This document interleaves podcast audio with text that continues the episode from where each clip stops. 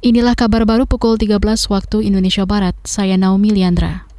Pemerintah akan terus mengoptimalkan anggaran negara APBN untuk menjaga momentum pemulihan ekonomi.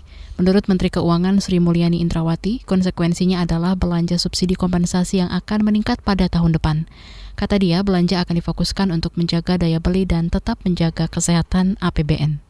Dengan kombinasi itu kita tetap percaya bahwa kemampuan kita untuk mengelola risiko di tahun 2023 tetap akan kita jaga dan rentang pertumbuhannya tetap bisa terlihat pada tadi 5,3 hingga 5,9. Menteri Keuangan Sri Mulyani Indrawati menambahkan pemerintah dan DPR juga akan memasukkan ketidakpastian global saat menghitung APBN.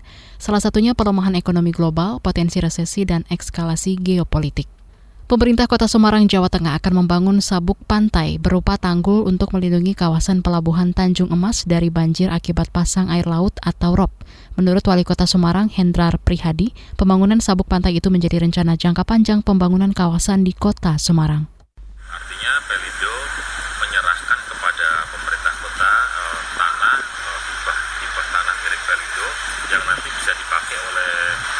Untuk sabu pantai, sabu laut atau sabu pantai istilahnya seperti itu.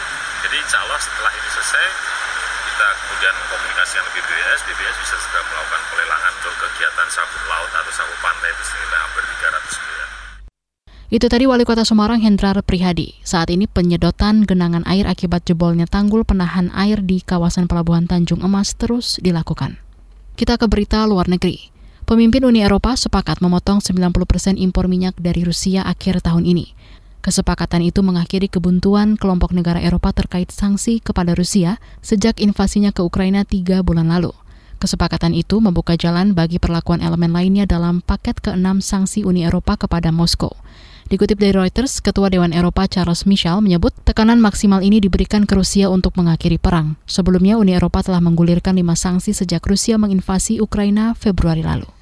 Demikian kabar baru KBR, saya Naomi Liandra undur diri.